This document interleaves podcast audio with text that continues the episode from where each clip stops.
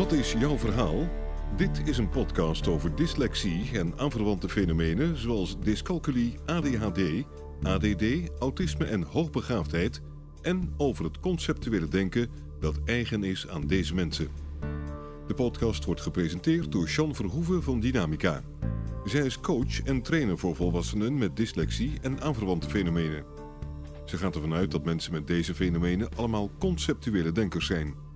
Als je dat weet en weet hoe dit denken werkt, is het mogelijk om een gemakkelijker en succesvoller leven te hebben en effectiever te kunnen functioneren in je studie of je werk.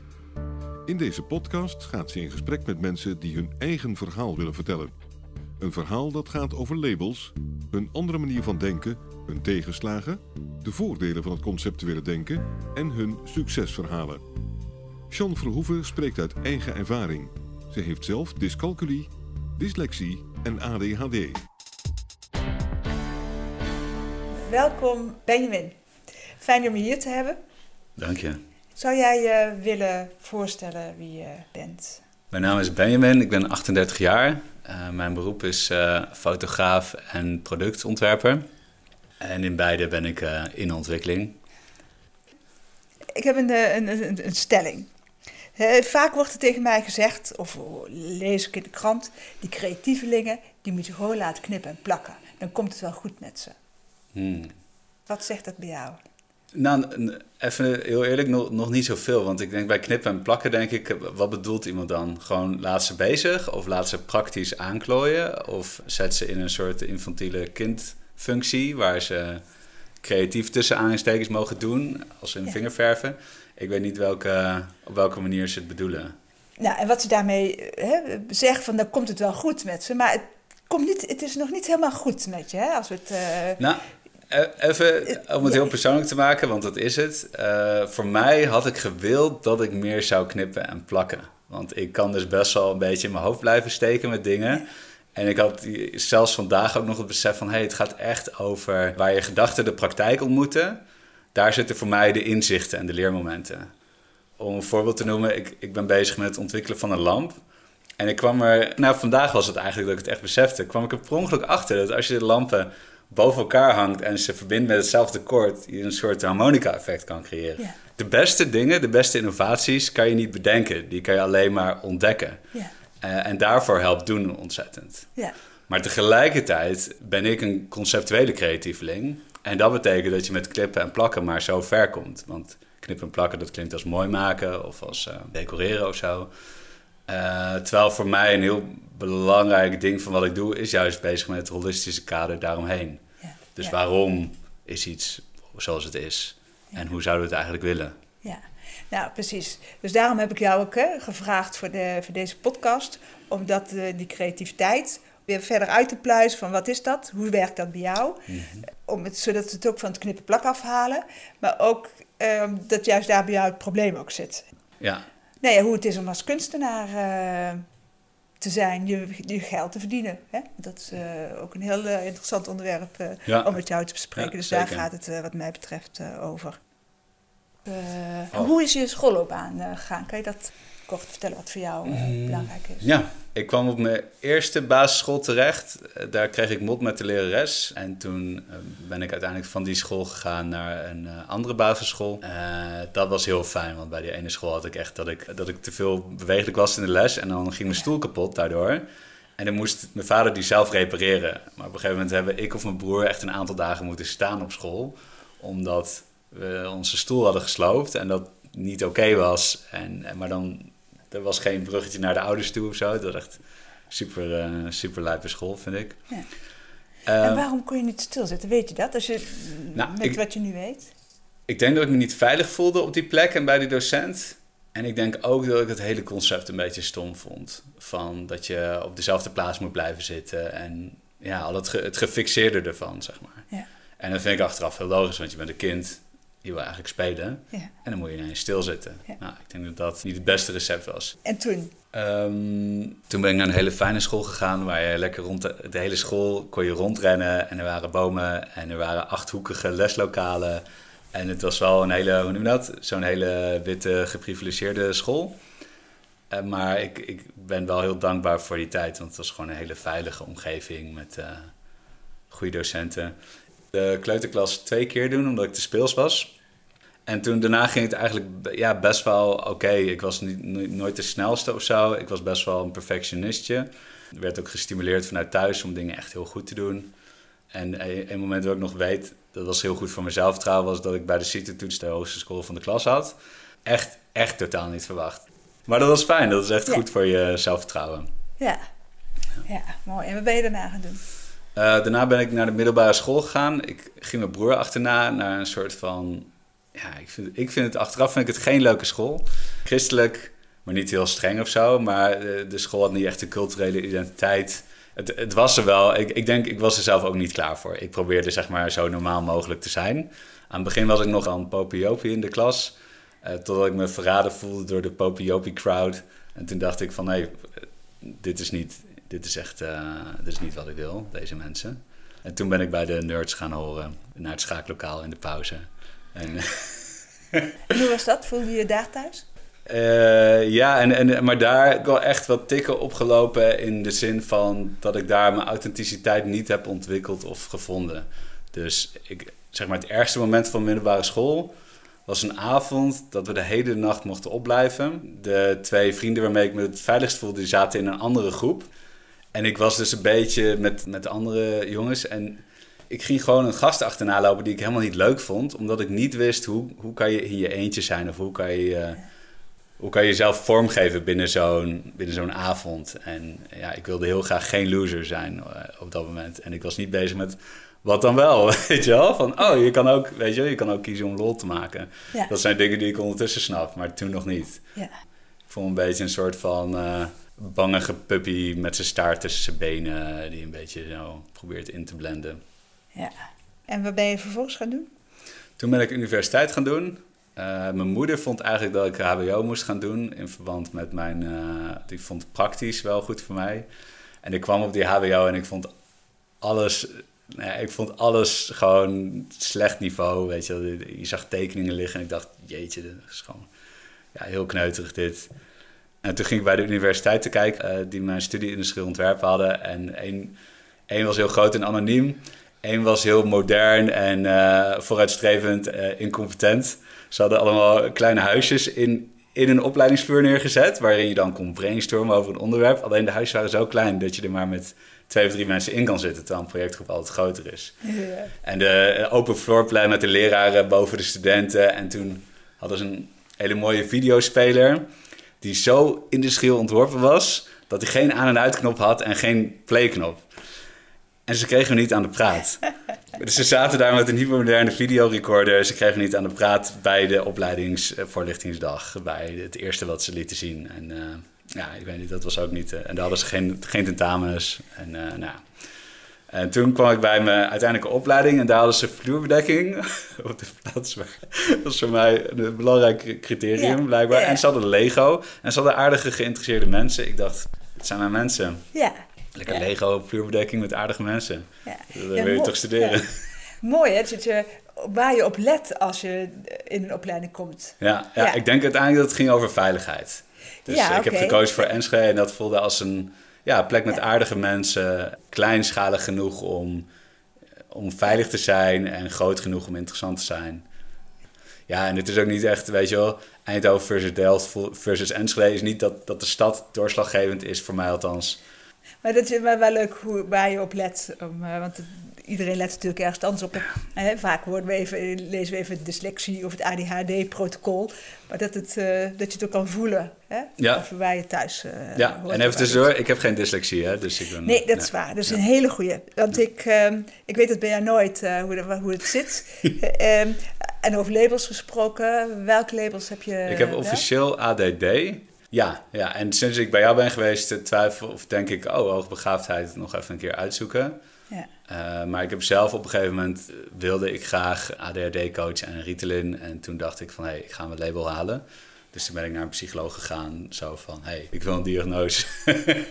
en ik denk dat het dit is. En ja. ik had er vrij doelgericht. En hij had zoiets van, nou, weet je, dan moet ik je toch echt onderzoeken. Dus dat werden drie sessies in plaats van één. En toen kreeg ik inderdaad het label... Uh, waar ik al in mijn, in mijn hoofd alle checkboxes bij had. Ja. Bij ADD, ja. als ik dat online bekijk, dan is het zo van ja, check, check, check, check, check, check, check. En heb je die ook van de ADHD bekeken ooit? Ja, en ik voelde me net wat meer thuis bij ADD. Ja. En de mensen die ik ken die ADHD hebben, die, dat manifesteert zich ook vaak net wat anders. In mijn ervaring, dus dat is puur mijn... Ik zit wat meer klem in mijn hoofd en die Ja. zitten wat meer klem in het doen. Ja. Ja. Ja. Eh, ehm, in ieder geval ben je conceptueel denker. Ja, Dat is... eh, ik vind dat woord dus echt heerlijk. Want dat woord kende ik daarvoor... Ik beschreef mezelf wel eens zo. Maar van, hé, hey, dit is een categorie mensen. Dat vind ik echt... eh, ik noemde mezelf dan conceptueel creatief. Nou, ik ben blij dat je dit woord hebt geïntroduceerd in mijn wereld. Waar ben je goed in? Dat vind ik een lastige vraag, want ik ben goed in best wel veel dingen. Maar als ik het even probeer op te sommen. Dus met fotografie maak ik gebruik van het talent om heel snel sociale situaties te kunnen duiden. En om heel veel nuances te zien in iemands aanwezigheid. En daarmee heb ik best wel goede timing voor wanneer het moment is dat, dat bijvoorbeeld iedereen moet lachen. Of dat de sfeer goed is of dat iemand echt in zijn waarheid staat. Ik, ik werk ook als portretfotograaf. Eh, ja, en dan zijn er heel veel momenten dat je kan klikken. En, ehm, maar er zit ook wel vaak echt het juiste moment tussen. En ik denk dat het komt omdat ik dus veel informatie binnenkrijg. Als ik, eh, ik, heb, ik heb veel meer informatie dus om uit te kiezen van wanneer ik iemand vastleg. Dus dat is het talent. Ehm, ik denk verder dat ik ondertussen het talent heb opgebouwd om mensen zich op hun gemak te laten voelen bij mij. Ik heb dat echt geoefend. Vroeger was ik heel... eh, als kind was ik niet zo verlegen. En ehm, oh ja, ik, heb, ik heb trouwens het gevoel dat ik nu te veel aan het uitweiden ben per ding. Ga Ik kan- gewoon door. Oké, oké, ik ga door. Dus contact maken met mensen, dat is een Want talent. hier gaat het juist over. Want je bent als kind niet verlegen. Vervolgens moet je door het schoolsysteem. Wat het er allemaal Ja, eh, ja, afgehakt. echt op de middelbare school zijn mijn eh, sociale voelsprieten Ja. zich naar binnen gaan richting mijn angst, angstding. En op de universiteit kwam ik, weer, kwam ik weer uit mijn cocon. Eerst met behulp van heel veel bier en verenigingsleven en alle sociale dingen. En later met meer authenticiteit, dat ik erachter kwam wie ik was, eh, wat mijn talenten waren. Dat was echt een huge moment dat ik erachter kwam dat ik echt super creatief was. En toen kon ik mezelf veel beter plaatsen en ook mijn eigenaardigheden en mijn... Alles is zo logisch als je jezelf beter kan plaatsen als mens. Ja, ik heb nu het gevoel dat ik weer een nieuwe hoofdstukje aan het overdoen ben. Ik weet nog heel goed, er, er was een moment tijdens mijn opleiding dat je, ehm, was nou een dikke deur? Ja, het begon bij de dikke deur. Je moest een dikke deur ontwerpen. En een dikke deur was een deur waarin meer functies zitten dan alleen maar deur.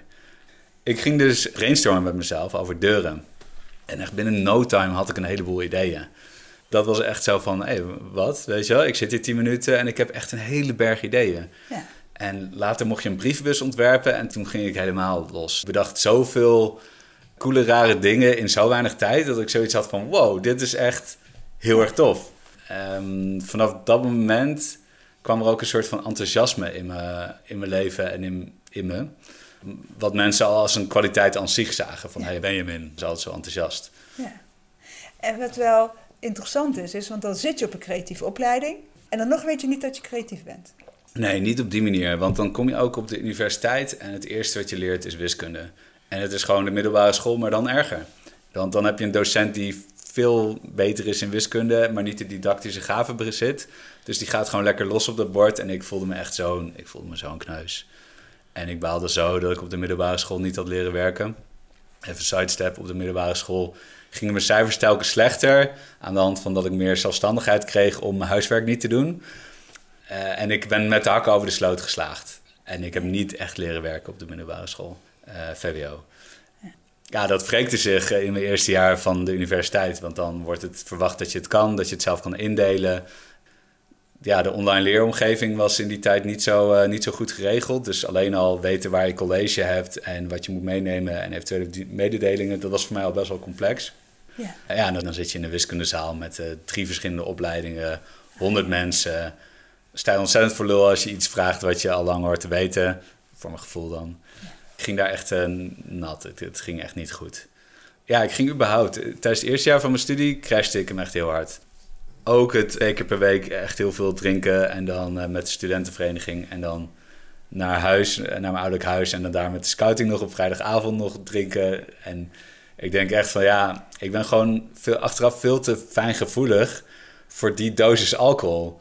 Van, je, je hebt mensen met een ander lichaamstype of ander intelligentietype... die veel meer structuur hebben uit zichzelf... en die, die denderen gewoon door dan. Ja. Ja, ik ben een best wel moeilijke kwast... maar als je die kwast goed vasthoudt... dan kan je er heel mooi mee tekenen. En dan moet je hem niet verzuipen in bier, dan doet hij het niet meer. Ja, ja, ja, ja, ja, ja. Te veel vocht, ja.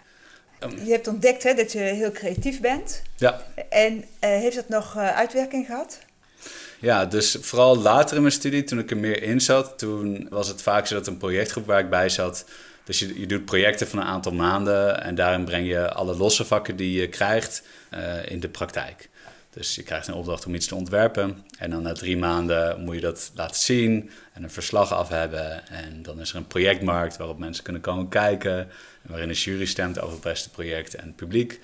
En ik merkte dat het groepje waar ik in zat vaak eh, een prijs won. Maar dat kwam dan niet door wat ik gedaan had. Het kwam meer door, nou soms ook wel, maar eh, soms ook echt totaal niet. Eh, dus bij zo'n projectgroep, dan kan je alle richtingen uit. Dus ik zal een voorbeeld geven. We moesten een knuffel ontwerpen met elektronica erin. Nou, dat vind ik geen logische propositie. Dat was geïnspireerd op de Furby. Eh, nou, er was een ontzettende Furby-hype. Een jaar later was er, was er geen Furby meer te zien, want die lagen allemaal in de vuilnisbak. En dan, dan daarvan hadden ze dit project bedacht. Ik vond het gewoon totale onzin, want ik ging kijken naar wat, zijn, wat is nou de beste knuffel die er is. Wat mij betreft is dat de teddybeer. Dat is een knuffel die heeft geen... Die vermaakt je niet, weet je. Een Furby, die, er gaan alarmpjes af en lampjes... en dan maakt hij contact tussen aanhalingstekens. Maar alles wat jij wil in een knuffel... kan je projecteren op die knuffel. Dus je bouwt een relatie op met je eigen liefde voor een karakter... wat je zelf aan het schapen bent in de interactie. Uh, dus een knuffel verrijkt met elektronica moet nooit een eigen persoonlijkheid door, doorheen drukken. Want op dat moment wordt het op zijn best een entertainer, maar niet iets waarmee je uh, die relatie van een kind met een knuffel kan aangaan. Het komt erop neer van kinderen willen altijd spelen met het speelgoed uit de reclame. En Furby is het speelgoed uit de reclame. Ja. Maar het speelgoed waarmee je blijft spelen gedurende je hele jeugd, ja, die moet niet batterijen hebben die, die opgaan en dat het speelgoed dan niks meer waard is. Dus het object, moet, daar moet zoveel in kunnen zitten. En de kinderen zijn super rijk qua fantasie. Dus dat, dat, dat, dat moeten ze de vrije loop kunnen laten. En wat ben je toen met die opdracht gaan doen? Ja, dus ik dacht, hoe kunnen we dat, dat proces versterken? En toen kwam ik op van, hé, hey, we maken een knuffel met een hartslag. Ja. En op het moment dat je knuffel knuffelt, dan wordt de hartslag sneller, zodat je feedback krijgt. En op het moment dat hij in de zon ligt, dan wordt de hartslag trager, omdat de knuffel relaxed is. En ik dacht van, ja, dat is dat is voor mij dan versterk je de eigenschap van de beste knuffel ooit. Ze hadden een zeehond bedacht. En, ehm, maar toen moesten we het product dus gaan eh, presenteren aan het publiek en aan de jury. En toen dacht ik van ja, hoe kunnen we dit nou eh, overbrengen dat de knuffel een hartslag heeft? Ja. En toen heb ik heel eh, geknipt en geplakt aan een pluche, heel lelijk hartvormig pluche kussen in een stuk karton gemaakt. En op het moment dat je hem erop legde, je hand, dan werd die hartslag ook sneller. Dus op die manier kon ik dit verhaal ondersteunen met een, Ja. met een ervaring. Ja. Het hele creatief proces van zingeving, van het concept, van duiden wat kinderen nodig hebben. eh althans, dat proberen te destilleren uit mijn eigen ervaringen. eh, naar het, hoe, hoe brengen we dit over op mensen? Dat onderdeel van een talent, wat heel moeilijk... En dit is grappig, want we hebben weinig woorden voor dit talent. Ja. Terwijl het zo fundamenteel is voor het welslagen van dingen. Dus ik zie heel vaak ruimtes of producten die zijn vormgegeven door ontzettend slimme technische mensen. Of bijvoorbeeld een projectontwikkelaar. Of in ieder geval iemand die aan de beslissing zat van welk bankstel zetten we hier neer. Of eh, hoe produceren we dit.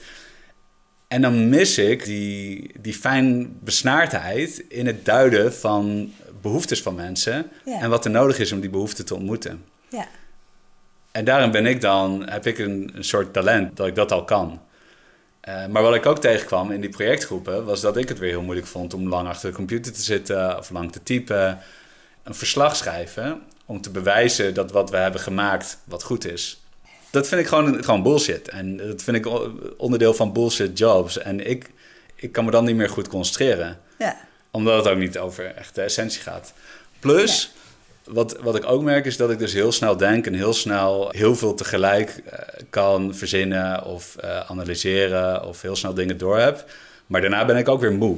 Ja. Dus ik ben een soort van, eh, ik heb een soort van Ferrari-brein die eventjes heel hard optrekt. Ja. En dat is super cool. Maar ik moet niet hem een heel eind laten rijden. Of ik, ik, ik, ik kan beter zeggen, ik ben een sprinter, geen marathonloper. In hoeverre heb je daar geleerd hoe dat brein werkt en hoe je creativiteit beet moet pakken, aan moet pakken? Als je dat zegt, heb ik in de eerste instantie de neiging om er kritisch over te doen. Eh, want we hebben niks geleerd over hersenen bijvoorbeeld. Eh, Nee, of over verschillende intelligentietypes. Maar Ja. we hebben wel gestructureerde creativiteitsmethoden geleerd, zoals brainstormen. Zo, en zoals divergeren en convergeren. Maar heb je ook geleerd dat je op verschillende manieren, structureel of niet structureel, eh, dat proces door kan gaan? Wordt er, ja, wordt er aandacht besteed aan hoe, wat het begin is van een idee en hoe je daar Nee, ik denk dat, uitbouwt en dat afmaakt? mijn, mijn beste pro- projecten waren juist dat we zelf dat proces meer vorm gaven. Dus dat we begonnen met, we gaan niet beginnen op de universiteit in een hokje. We gaan met z'n allen bij elkaar zitten. Ja. En het hebben over wat we echt zouden, wat, wat wij echt het allervetst zouden vinden. Dat vind ik bijvoorbeeld een heel goed start zijn voor een Ja. project. Want dan. Ze moesten een nieuw kratje ontwer- ontwerpen voor een biermerk. Ja. Ja, en toen zijn we met z'n allen bier gaan drinken om het erover te hebben van... hey, wat zouden we nou echt leuk vinden? Wat er- en, en dat is dan Ja. groeps teambuilding... waarmee je een hele veilige omgeving creëert voor de rest van het project. En het is heel functioneel om te beginnen vanuit een holistisch denkkader. Als je eerst neerzet van... hey, welke rol hebben bierkratjes in onze maatschappij? Wat willen wij? Wat vinden wij? Dan kan je vanuit daaruit veel beter naar specifieke oplossingsrichtingen. En ja, op de universiteit waarin ik zat, was, was wel daar aandacht voor, maar niet, niet zoveel als ik zou willen. Zou willen of nodig had? Eh, nou, ik, ik, had het dus, ik bedacht het dus eigenlijk zelf. Dus, dus bij gebrek aan, of ja, ik vond dan hoe het moest, vond ik stom. Dus dan kwam ik met een ander idee, idee van, hey, zullen we dit doen? En daar was wel de ruimte voor. Ja. Hey, je, hebt, je hebt die school afgemaakt, Mhm. universiteit afgemaakt. En toen? Kon je er toen mee uit de voeten? Wat ben je toen gaan doen? Ik had heel veel moeite met het afronden van de universiteit. Ik ging naar de studiebegeleider en ik dacht, moet ik niet toch HBO gaan doen om het af te maken? Maar dat zou nog twee jaar duren. En ik dacht van ja, ik kan dit. eh, maar als ik het in een jaar doe, dan moet ik 60 EC halen. En dat was met mijn hele studie nog niet gelukt. Dus 60 EC is de nominale belasting. Dat is zeg maar als je alles haalt. En toen ben ik, eh, en toen kwam ik tot de conclusie van nee, ik wil het toch gaan doen, maar ik heb wel begeleiding nodig bij het structureren van dit. Dus toen heb ik aan de studiebegeleider gevraagd van... hey, wil jij mij eh, coachen dit jaar en dat we hier een trajectje van maken? En dat was niet haar baan. Dat zei ze ook van, ja, ik, ik wil je best wel helpen... maar het is, dat is echt buiten mijn baan om. Maar ik wil het wel voor je doen. En toen hebben we een hele simpele coaching opzet gemaakt. Van, hey, wat wil je? Eh, en wat moeten we dan nu als eerste doen? Of wat is globale planning? Wat zijn eventuele beren op de weg? Hoe kunnen die beren nu alvast uit de weg ruimen? Nou, voor mij het, eh, het formuleren van een helder doel, dat was reizen. En een- uiteindelijk een goede ontwerper worden, maar eerst reizen. Dat, dat hielp me ontzettend om die motivatie helder te krijgen. Toen dat plan, toen dacht ik van... hé, hey, als ik fulltime ga leren, dan, dan moet het gewoon lukken. Want ik heb nog nooit fulltime geleerd. Leren uit de weg geruimd van waar, waar- welke vakken zijn kritisch en eh, moet ik echt halen. En toen ik voor het eerst in mijn leven 60 EC gehaald. Met een 8 gemiddeld in de finale gekomen van een ontwerpwedstrijd. En toen bleek van, hé, hey, als ik gestructureerd ben... en eh, ik denk ook dat het heel erg hielp dat ik een externe commitment had... een accountability partner, zeg maar. Want het komt omdat zij het vrijwillig deed. Zij zat echt bij mij in de boot. Ik betaal daar niet om... Ja. Eh, zij was een stakeholder, zeg maar. Zij Ja. investeerde liefde eh, of, Ja. of ja, aandacht in plaats van een uitwisseling. Eh, dus, dat, eh, de, dus dat ging eigenlijk supergoed. En toen dacht ik van, hé, hey, ik, wil, eh, ik wil reizen. En ik had ook een ander soort mentor en die was zo van, Benjamin, dan moet je zoveel geld gaan verdienen. Hoe wil je dat gaan doen? en toen was er een heel tof reclamebureau in, in Enschede. En toen dacht ik, nou, daar wil ik wel werken. En die hadden een paar vacatures voor ehm, goede mensen. En ik voelde me echt heel erg een broekie en ik ben er gewoon binnengelopen. Dat vond ik heel spannend, maar gewoon binnengelopen van... hé, hey, wat is dit? En kan ik hier wat doen? Achteraf zegt de baas dat hij me heeft aangenomen door hoe ik over pizza kon praten. Hadden, ik had een gesprek over een houten pizza over die mijn vader eh, had. Ja. Ja, dus daar mocht ik toen werken. En dat was enerzijds heel tof, want het was een toffe, hippe plek. Maar anderzijds eh, zat ik vast op uitvoerend niveau. Dus ik moest dingen photoshoppen die anderen hadden bedacht. En eh, een soort van manetje van alles. En daarin kon ik dus niet mijn echte talent uiten van ja, conceptuele creativiteit. Dus dat, dat, dat vond ik wel jammer. En, en ik werd aangenomen precies tijdens de grote crisis van 2007, 2008. Dus na een half jaar uh, werd mijn contract niet verlengd. Ja. En toen? Toen ben ik gaan reizen. En het reizen was best wel tof, maar het viel ook een beetje tegen, want ik zat toch een beetje klem in mijn eigen, in mijn eigen hoofd eigenlijk. Uh, maar veel, veel gezien van Zuidoost-Azië, veel mensen ontmoet. En um, op een gegeven moment werd ik een beetje moe. Toen ben ik naar de Filipijnen gegaan, daar gerust. Maar ook, ik wilde heel graag producten ontwerpen, fair trade. Dat is dat holistische gedoe, weet je wel. Ik denk dat dat goed is voor de wereld, dus dat wilde ik doen. En toen uh, praatte ik met iemand ja, dit is echt zo'n hele chain of events. Van ik ontmoette iemand in het vliegtuig en die zei dat ik ergens heen moest. En toen ging ik daarheen en toen zeiden zij van... hey, ik ken iemand die bezig is met Fairtrade. En dus toen ben ik daarmee gaan praten. En die zei, een vriendin van mij, die ik al heel lang niet heb gesproken... is nu in de Filipijnen met een, uh, met een hele winkelketen uit Amerika. En ik heb een reisschema. Ja. Dus toen kreeg ik het reisschema van een hele delegatie van Fairtrade mensen... Zonder ehm, dat ik contact kon, met ze kon opnemen. Ik had geen contactgegevens. Maar ik heb, die, ik heb het erop gewaagd. Dus ik uh, in het vliegtuig gestapt. En um, uh, nou, uiteindelijk uh, kwam ik uit op het zuidelijke eiland van de Filipijnen. Uh, stapte ik uiteindelijk, toen zat ik uiteindelijk in een bus die naar het dorpje ging waar die mensen zouden zijn. En ik dacht van, jee, die bus is wel erg lang onderweg. Gaat het wel goed? Dus ik loop naar voren naar die buschauffeur van, hey, Salai. Hij zo, hij keek me echt zo aan van oh shit, en hij drukt op de rem. En precies op dat moment reden we door dat dorpje heen. Dus, dus uh, de bus stopte voor mij. Toen stond ik in de middle of nowhere in de Filipijnen op een eiland waar ik niemand kende. Voor mensen die ik misschien zou kunnen ontmoeten. En één contactpersoon, namelijk de eigenaar van de Fairtrade papierfabriek die er stond. Nou, toen liep ik op de eerste beste persoon die ik afzag, liep ik, liep ik toe. Dit was zo'n gast met zo'n motor die mensen dan rondbrengt. Hij zou van, oh, die ken ik. Dus ik mocht direct op de motor. Ik werd er gratis heen gebracht. En toen bleek dat uh, inderdaad de delegatie van die hele grote Amerikaanse keten daar was. Ja. Dus nog dezelfde avond stond ik te karaoke met allemaal, nieuwe, met allemaal nieuwe mensen. En toen ben ik de volgende dag gaan brainstormen bij de fabriek. En dat vonden ze zo leuk dat ze zoiets hadden van... hey, wil je nog een nacht blijven? En toen wil je nog een dag blijven en wil je het ook uitvoeren. En, maar toen, en dat was super cool... maar toen ben ik eigenlijk uh, in, in mijn valkuil gestapt van te lang daar blijven hangen en uh, te perfectionistisch dingen geprobeerd uit te werken. Um, ik had geen laptop van mezelf, ik had niet oh, mijn fijne pennen en zo. En ik kon daar echt wel dingen doen, maar ik had een heel fijn kader om vanuit te functioneren. Ja. Uh, en, en ik zat daar bij een papierfabriek met allemaal mensen die uit een hele andere cultuur komen. En als ik zei, knip een hoekje van dit papier af, dan in Nederland betekent dat iets. Ja. En daar betekent dat heel wat anders. Dus ik moest over alle details moest communiceren. En niks ging goed zonder dat ik er bovenop zat. Ja. En dat was enorm vermoeiend. En ik kon niet tot rust komen. En, want als ik ging wandelen, dan kwam iedereen op me afrennen omdat ik de eerste blanke was die ze zagen ongeveer. Dus alle kinderen willen dan een high five. Dus dan ging ik even naar de zee. Nou, dan, voordat ik het weet, zit er een hele zee van kinderen om me heen. Ik wilde de jungle lopen, maar er was daar kidnaprisico. Dus dat voelde ook niet heel chill. En dus, dus ik, ik wilde gewoon alleen zijn en wandelen, maar dat kon daar niet echt. En ik, het huis waar ik zat was van de directrice. Dus ik woonde in, bij de baas in huis.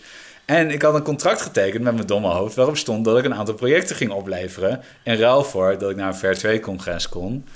uitwerken tot op het detailniveau wat nodig was. Dat bleek veel moeilijker dan van tevoren gedacht... omdat alles verkeerd ging. Toen ben ik voor het eerst overbelast geraakt... met dat ik uh, keelpijn had die niet meer overging. Ik had echt zoiets van, ik heb echt rust nodig... Toen zei ze, ja, je mag nu even vakantie. Maar toen kwam er een Franse klant langs en toen vroeg ze van... Hey Bert-Jan, wil je toch nog wat dingen afmaken voordat hij langskomt? En toen ben ik dat gaan doen. Ja. En de Franse klant die was onder de indruk van mij... want ik ging ook bij hem ging ik even mijn brainstorm ding aanzetten. En toen zei hij, hey, wil je niks voor mij ontwerpen? Dus toen kon ik daarna door naar Indonesië om betaald Fairtrade producten te gaan ontwerpen. Want ondertussen was ik, ja, ik had last van mijn keel en ik was de hele tijd moe. En dat ging gewoon niet meer voorbij.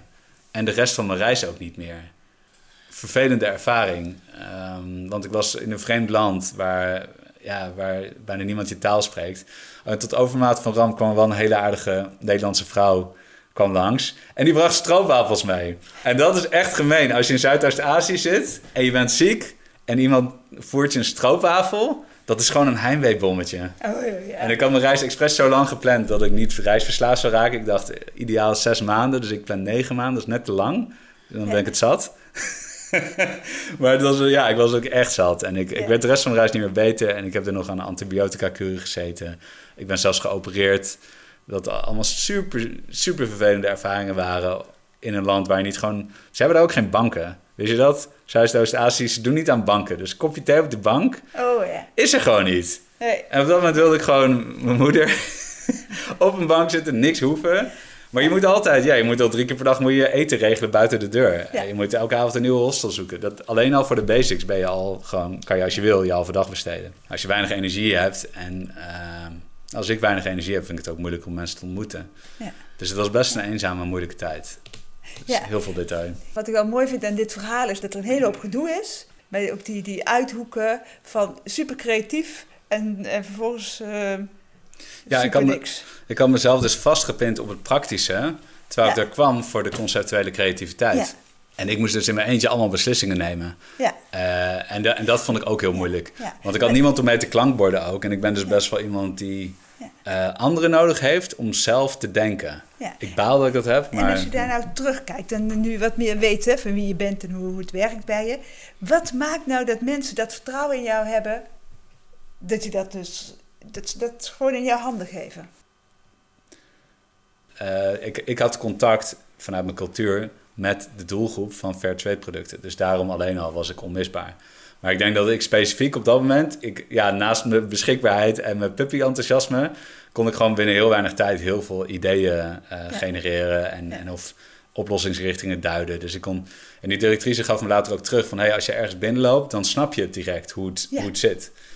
Alleen als ik vervolgens word vastgepind op eh, de uitvoering, dan verschrompel ik als een, eh, als een plantje die nooit water krijgt eh, of zo. En daarom zei ik ook in het begin hè, van, eh, hè, ze zeggen van hè, die eh, conceptueel denkers dan, hè, eh, die moet je maar laten knippen en plakken, dan komt het wel goed. Maar dan denk ik, ja, je moet jou helemaal niet laten knippen en plakken. Want dat zijn van die details, het, is, want het duurt maar, want is- ik vind knippen net zoiets als schrijven. Ja. Drie knippers gaat precies, goed en dan ja. is dan weer krom en dan denk ik... Ik kom ook in een soort van paniek terecht als Ja. ik dat soort dingen doe. Omdat in mijn hoofd er zeg maar honderd parallele paden lopen van conceptuele ontwikkeling van het papiertje dat ik knip. Met ook nog eens een hele berg perfectionisme erop. ja, Als je alles kan bedenken, dan zie je ook van alles de voor- en de nadelen. Ja. En elke knip die je zet, zijn er oneindig aantal knippen die je niet zet. Hoe meer inzicht je daarin hebt, hoe, hoe spannender het dus is om te knippen.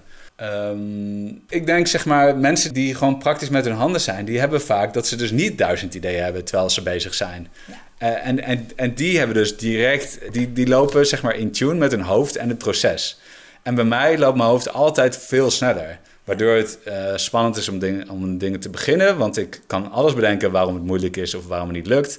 Verder stel ik hele hoge eisen aan mezelf. Omdat ik kan bedenken hoe goed het zou kunnen zijn. Eh dus een heel interessant creatief fenomeen ook om het nog over te hebben. ja. Je hebt mij wel eens verteld hè, dat je prijzen gewonnen hebt. Dus ik zou denken dat je, dat je je creativiteit neer kan zetten en uit kan buiten. En dat je florerende zaak hebt nu. Eh, prijzen zijn altijd een vrij kunstmatige omgeving. Dus als je een prijs wil winnen, dan moet je gewoon de juiste prijs vinden die bij jou past en die proberen te winnen. Dus prijzen winnen is een soort van apart, weet je wel, het is een aparte life skill die je kan ontwikkelen. Eh, ik heb niet veel prijzen echt gewonnen. Ik ben heel vaak in de finale gekomen van dingen. Dus in de finale van een eh, ontwerpwedstrijd en in de finale van dit en in de finale van een aantal fotowedstrijden of honorable mention. Weet je, allemaal dingen die net niet, eh, net niet de, de poet binnenhalen. Ehm Benjamin, waar, waar sta je nu in het leven? Ehm, nee, ik heb nu het gevoel dat ik een vlinder ben die de kokon aan het verlaten is. En ik zit er nog wel deels in vast. Dus ik weet ondertussen dat mijn talenten heel vaak tot uiting komen in samenwerking met andere mensen. En ik durf op het gebied van ontwerpen nog niet echt samen te werken. Ja. Dus er zit zo'n angst vanuit me, weet je wel, vanuit vroeger RSI krijgen in projectgroepen, daarvoor op school. Ja, zit een soort schaamte ook op mijn Ferrari-brein, die dan heel snel weer de garage in terug moet als hij even Ja. wat gedaan heeft. En hoe komt het nou dat er schaamte zit op je genialiteit? Ja, omdat, omdat tijdens zo'n studieproces, dan moet je op een gegeven moment moet je het verslag schrijven. En dat deel je in zessen met zes mensen. En ik doe er dan het langste over. Of je moet iets uitwerken, maar dan ben ik de deadline vergeten? Of, of kost het me wat meer tijd? Of ben ik hyperperfectionistisch? Of gewoon het constante probleem van als je heel veel mogelijkheden ziet, dan zie je dus ook altijd wat je niet aan het doen bent. En als je heel erg goed kan duiden wat goed is, kan je ook heel goed duiden waarom je nog niet goed bent. En dus ik heb zeg maar een heel, ja, dat maakt ook dat ik als kind heel vaak dingen negatief heb uitgelegd over mezelf. En ook, ja, bijvoorbeeld met mijn broer, die, die is dan dus het hoogste van de klas met de CITO-toets, maar ik had 13 fout. En mijn broer, die had maar 3 fout. En ik had, ik had een 8, hij had een 9. En hij was dan nog beter. Maar ja, hij had weer wat minder EQ. En ik heb weer wat meer EQ. Maar wanneer wordt EQ nou gemeten op school? Want heel veel van de dingen die we bespreken, daar zijn geen lineaire duidingen voor. Dus dat is ook, weet je, als, als conceptueel denker heb je een hele berg talenten die niet worden gemeten in het schoolsysteem, die niet worden beloond in het schoolsysteem. En die hoogstens, weet je wel, mondeling gestimuleerd worden als je toevallig omringd bent door mensen die daadwerkelijk een pad hebben van hun hart naar hun mond. En dat heeft ook niet iedereen. Ja. En zeg je daarmee dat je zo goed weet wat je kan en zo goed weet wat je niet kan? Uh, in onze maatschappij leer je dat als je iets wil, dat je ervoor moet werken. En dat je het goed hebt gedaan als je ervoor hebt gewerkt. Het lastige van conceptueel denken is dat je heel makkelijk bepaalde dingen kan, omdat het een soort van natuurtalent is. Maar het is een natuurtalent wat niet wordt gemeten of beloond in het schoolsysteem. Voor mij voelt het wel, ja, dit kan je wel, da, dit is gratis. Maar hey, op tijd komen, weet je, ik was net weer tien minuten later op onze afspraak. Daardoor word je wel klein gemaakt, weet je wel. Van, door andermans uh, woede of andermans verwijten. Dus er zijn, weet je, je wordt heel vaak, eh, zeg maar, microscopisch op je vingers getikt. Dat, dat maak je hele leven lang mee als je niet zo goed binnen de systemen past. Het lastige van conceptueel denken is dat je zo holistisch denkt dat de meeste systemen een beetje onzinnig voor je lijken. En, en niet alles, maar wel bepaalde details. En dat is heel logisch, want iedereen heeft andere intelligentietypes. En mensen die lekker gedijen in systemen, die zijn minder creatief. Uh, vaak. Even, ik wil niet. dit mag ik generaliseren eigenlijk. Ja, dat mag van alles. Maar het is hoe jouw beleving is. Ja, dat, dat, mijn beleving. Daar gaat het over. Ja. En natuurlijk zitten daar ook creatieve mensen, dat weten we allemaal. Maar eh, dat zijn net ook creativiteit en creativiteit. Want dat is wel leuk, hè, want dat knippen en plakken en zo en schilderen, belangrijk. Dat dat niet creativiteit is die het conceptuele denken onderschrijft. Ja, je bedoelt eh, het, verschil tussen uitvoerende creativiteit in een visuele manier bijvoorbeeld, versus conceptueel denken. Maar ook dat het conceptuele denken, nou letterlijk, ja, je, ik, ga ik moet dat niet herhalen, maar je beschrijft het zo mooi over wat er in dat hoofd gebeurt. En dat dat het conceptuele denken is. En er is geen, geen plaatje aan wat, wat daaraan voldoet. Nee, nee. En, en, dat het, en wat je heel mooi zei is, ja, dat is gratis. Dat doe je gewoon. Dat ja, is er. precies. Dus daar hoef ik niet voor te werken. Dus hoe kan ik daar geld voor vragen? Ja, hoe kan ik dat voelt ook heel vaak alsof je er geen geld voor mag vragen. Wat shit is, want het kost me wel energie. Ik bedoel, het geeft me ook energie. Maar dan vind ik het wel fijn om gezien te worden in de meerwaarde die ik daarmee lever. Ik heb daar wel een beetje een traumaatje omdat ik me heel vaak niet gezien voel. Ik weet ondertussen dat ik een beetje daarin, daarin doorsla. Maar uh, dat is wel, ja, dat is, ja, als je met, met heel je hart iets, iets bijdraagt wat heel goed is en anderen hebben het niet eens door, dan is het wel uh, vervelend. Ja.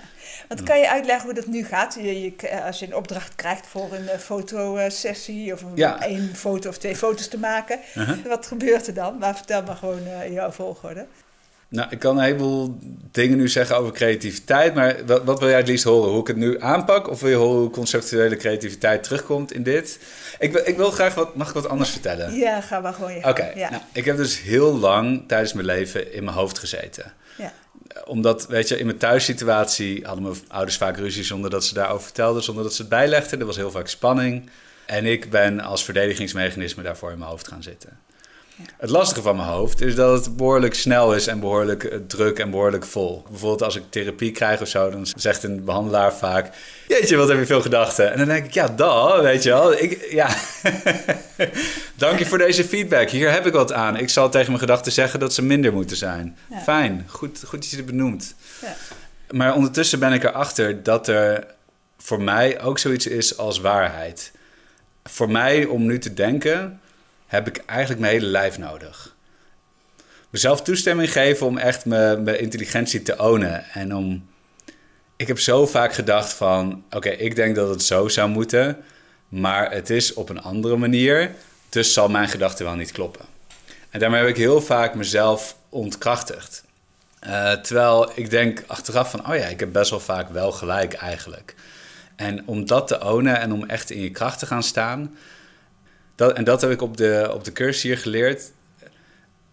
Zowel jezelf de mentale ruimte geven als de fysieke ruimte geven om in je kracht te staan.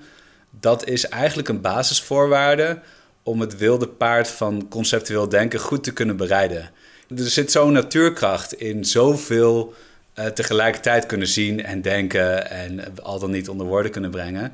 Als je dat loslaat, dan gaat het alle kanten uit en dus nergens heen.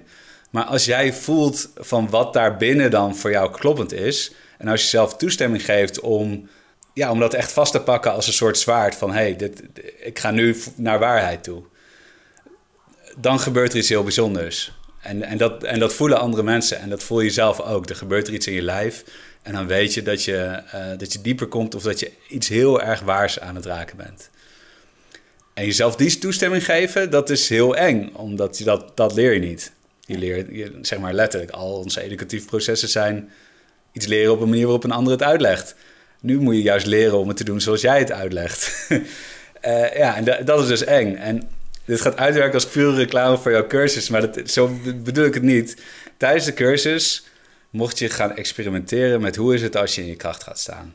Ik voel me dan schuldig als ik in mijn kracht ga staan. Ik denk dan van, oh, dan maak anderen misschien klein, of dan vinden mensen me te arrogant, of weet ik veel wat. Maar het leuke was, omdat je dat in een groep doet, krijg je feedback, dat het niet irritant is. Dat, weet je wel, dan geven mensen je zelfs positieve complimenten. Maar belangrijk, je ziet hoe het is als andere mensen in hun kracht gaan staan. Ja. Dus iemand die eerst alleen maar op één been staat, een beetje wankel, een beetje te wiebelen, een beetje zichzelf te verexcuseren dat, dat, dat ze bestaat. En die staat even later vol op beide benen, stevig. Nou, dat is echt heerlijk. Iedereen is mooier als hij in zijn kracht staat. Iedereen is fijner om naar te luisteren als ze in hun kracht staan. En de, de hele ruimte wordt er beter van als iemand in zijn kracht staat. En dat was voor mij een van de grootste eye-openers. En dat dus mogen toepassen op je eigen conceptueel denken, op je eigen talenten. Ik heb een heleboel dingen waar ik niet goed in ben. En Sean's samenvatting van maken complexe dingen simpel. Nou, check, die heb ik. Maken simpele dingen complex. Check, die heb ik ook. Dat mogen en daar dan andere mensen voor nodig mogen hebben. Ja, voor, voor mij is zeg maar de volgende stap in de ontwikkeling van ons als mensheid... is dat we dat meer gaan herkennen. Van, weet je dat mensen die een hele goede structuur hebben, vaak niet zo creatief zijn. Uh, en mensen die heel creatief zijn, vaak niet zoveel structuur hebben. Maar, maar dat die twee samen hele mooie dingen kunnen neerzetten. En daarvoor moeten wij als creatievelingen of als conceptueel denkers ons talent durven te gaan uh, delen met de wereld. En dat je jezelf toestemming moet geven om precies zo slim te zijn als je bent. Ja. Te durven luisteren naar niet alleen wat je hoofd zegt, maar ook wat je lijf daarbij zegt. Dat is voor mij dus een hele belangrijke les. Voor mij persoonlijk ook om van binnen groter te worden. Want ik heb heel vaak dat ik angsten voel door trauma's uit het verleden, door moeilijke momenten.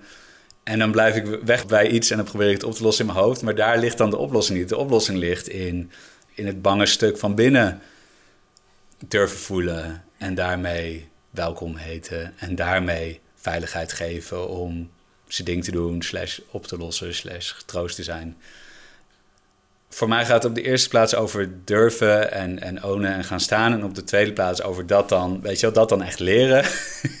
durven in de maatschappij je plekje in te nemen.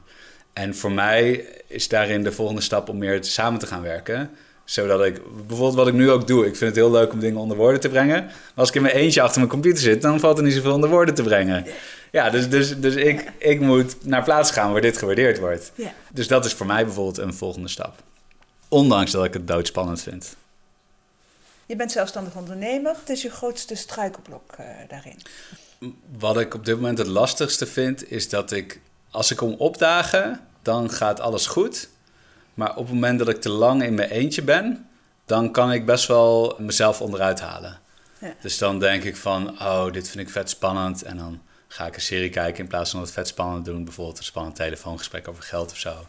En dan, omdat ik dan een serie aan het kijken ben in plaats van dat aan het doen, dan ga ik heel streng zijn voor mezelf. En dan, dan komt er schuldgevoel bij, er komt er schaamte bij. En die schaamte maakt weer dat ik minder in mijn kracht sta. En juist mijn fotografie gaat over mensen in hun kracht zetten. Of, of mensen zien en, en uitnodigen om in hun kracht te stappen. Ja, dan, dan is dat al, weet je wel, dan, dan voel ik me daar al een soort van onwaardig over. In mijn eentje kan ik echt een soort van mezelf dus negatief onderuit halen. Terwijl als ik mezelf dan weer ontmoet in de wereld, dus ik ga ergens heen en dan kom ik gewoon opdagen. En dan merk je van, oh, ik ben eigenlijk al goed genoeg. Oh, als ik nu gewoon toch iemand bel, dan tijdens het gesprek gebeurt de magie. Dus, dus mijn, mijn grootste valkuil is dat ik in mijn eentje ehm, ja, in mijn schulp kan terugkruipen. Terwijl als ik dan in contact kom met de wereld, ik vaak merk van, oh, dat was nergens voor nodig. Ja. En dat is iets wat ik nu steeds meer aan het leren ben. Um, nou is er nog een andere wat we vaak zeggen is, oh, hè, van, weet je, als we conceptueel denken, moet je gewoon niet onder de baas gaan werken, moet je zelfstandig worden. Want dan heb je nergens last van. Je hoeft geen slagen. Ja, nee, dat is natuurlijk bullshit, want ja, nee, ja waarom is dat Je krijgt een hele administratieve, weet je wel, als je in Nederland ondernemer wordt, dan krijg je gewoon een baan bij. Dan moet je eh, een paar keer per jaar een soort blauw hesje aan en een blauwe envelop op je kop. En dan moet je, moet je dingen typen die ik persoonlijk niet handig vind. Ik bedoel boekhouding. Maar ook wat ik zelf heel pittig vind, en daar heb ik nog geen goede manier in ontwikkeld, is de structuur van het ondernemerschap. Als je ZZP'er bent, dan ben je eigenlijk een werknemer van je eigen bedrijf. En mijn eigen bedrijf is gewoon puur.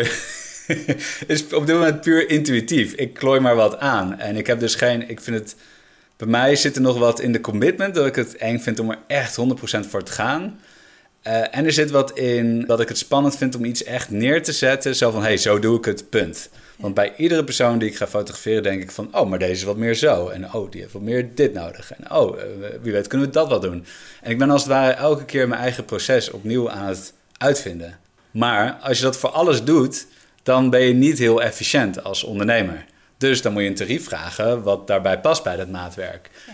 dan zie ik dat ook als maatwerk van ja, maar ach gossie, weet je wel, deze persoon, weet je, die heeft niet zoveel budget. Of oh shit, weet je, kan ik dat wel vragen? Of oh, als ik nu hier zoveel geld voor vraag, dan moeten de foto's wel zo goed worden. Nou, dat is iets waar ik geen. Ik kan van tevoren niet plannen hoe goed de foto's worden. Ik kan alleen maar een proces instappen met iemand, dat proces op een goede manier vormgeven. En dan aan het eind komt als een soort van bijproduct van aanwezigheid in het proces, komen de foto's uit. Ja, ik kan dat niet beloven van tevoren. Ik kan alleen maar beloven dat we het samen op een fijne manier proberen te doen. En dat we mooie dingen uit gaan nodigen. Hoe vaak gebeurt het dat die foto's niet leuk zijn? Uh, ja, echt zelden. Ja. ja. En, en, en in feite, want eerder zei je al van, weet je, dat, dit is gewoon gratis, hè, want dat heb ik gewoon. Mhm. en, en vervolgens die, de foto's die mislukken nooit. Ja, precies, bovenwacht. En dan is het nog teleurstellend. Ja, een ja. beetje. Ja, ja. niet echt, maar wel een beetje. Ja, je zei het wel. Dus het is zelfs als het teleurstellend is, is het boven verwachting. En mhm. dan nog kan je je prijs niet stellen. Ja, heb je nog een eh, tip voor ehm, zelfstandige ondernemers? Eh, mijn persoonlijke tip, die doe ik dus zelf nog niet voldoende. Uh, maar ik zou zeggen, ga samenwerken met mensen die je aanvullen. Want als conceptueel denker heb je geweldige talenten en je hebt valkuilen. En die valkuilen vallen vaak in het spectrum van wat voor andere mensen heel simpel is. Dus ik heb ook laatst aan de telefoon gezeten met iemand van wie ik eigenlijk gewoon wil dat ze me gaat managen. Ja, doe het niet alleen, zou mijn tip zijn. Ja, mooi, mooi. En neem ook de tijd om daarin te groeien. Hè? Ja, ja, tijd, zelfcompassie. Ja. Ja. Ja. mooi. Nou, ik vind het een hele mooie afsluiter. Uh, dankjewel, Benjamin. Het was fijn om je hier te hebben. Ja, het was fijn om hier te zijn. En, uh, bedankt voor dit. Ik vond het ook mooi om te doen. Wil je reageren op deze podcast of heb je vragen? Stuur dan een mail naar podcast.dynamica.nl. De reacties zullen worden meegenomen in volgende podcasts. John Verhoeven geeft coaching, workshops en trainingen. Wil je meer informatie? Kijk dan op www.werkendyslexie.nl of www.geniaaloprechts.nl of bel 020 639 1099 020 639 1099. John Verhoeven heeft twee boeken geschreven over dyslexie: Slimmer dan je baas en Dyslexie stoornis of intelligentie. Deze boeken zijn te koop in elke boekhandel. Stuur de podcast door naar iedereen waarvan je vindt dat ze meer zouden moeten weten over dyslexie, ADHD, ADD, dyslexie, dyscalculie, autisme en hoogbegaafdheid en het conceptuele denken. Deze podcast is gemaakt in samenwerking met Marcel de Hoog van Storytelling Media. Hij verzorgt de technische, redactionele en morele ondersteuning. Tot de volgende aflevering.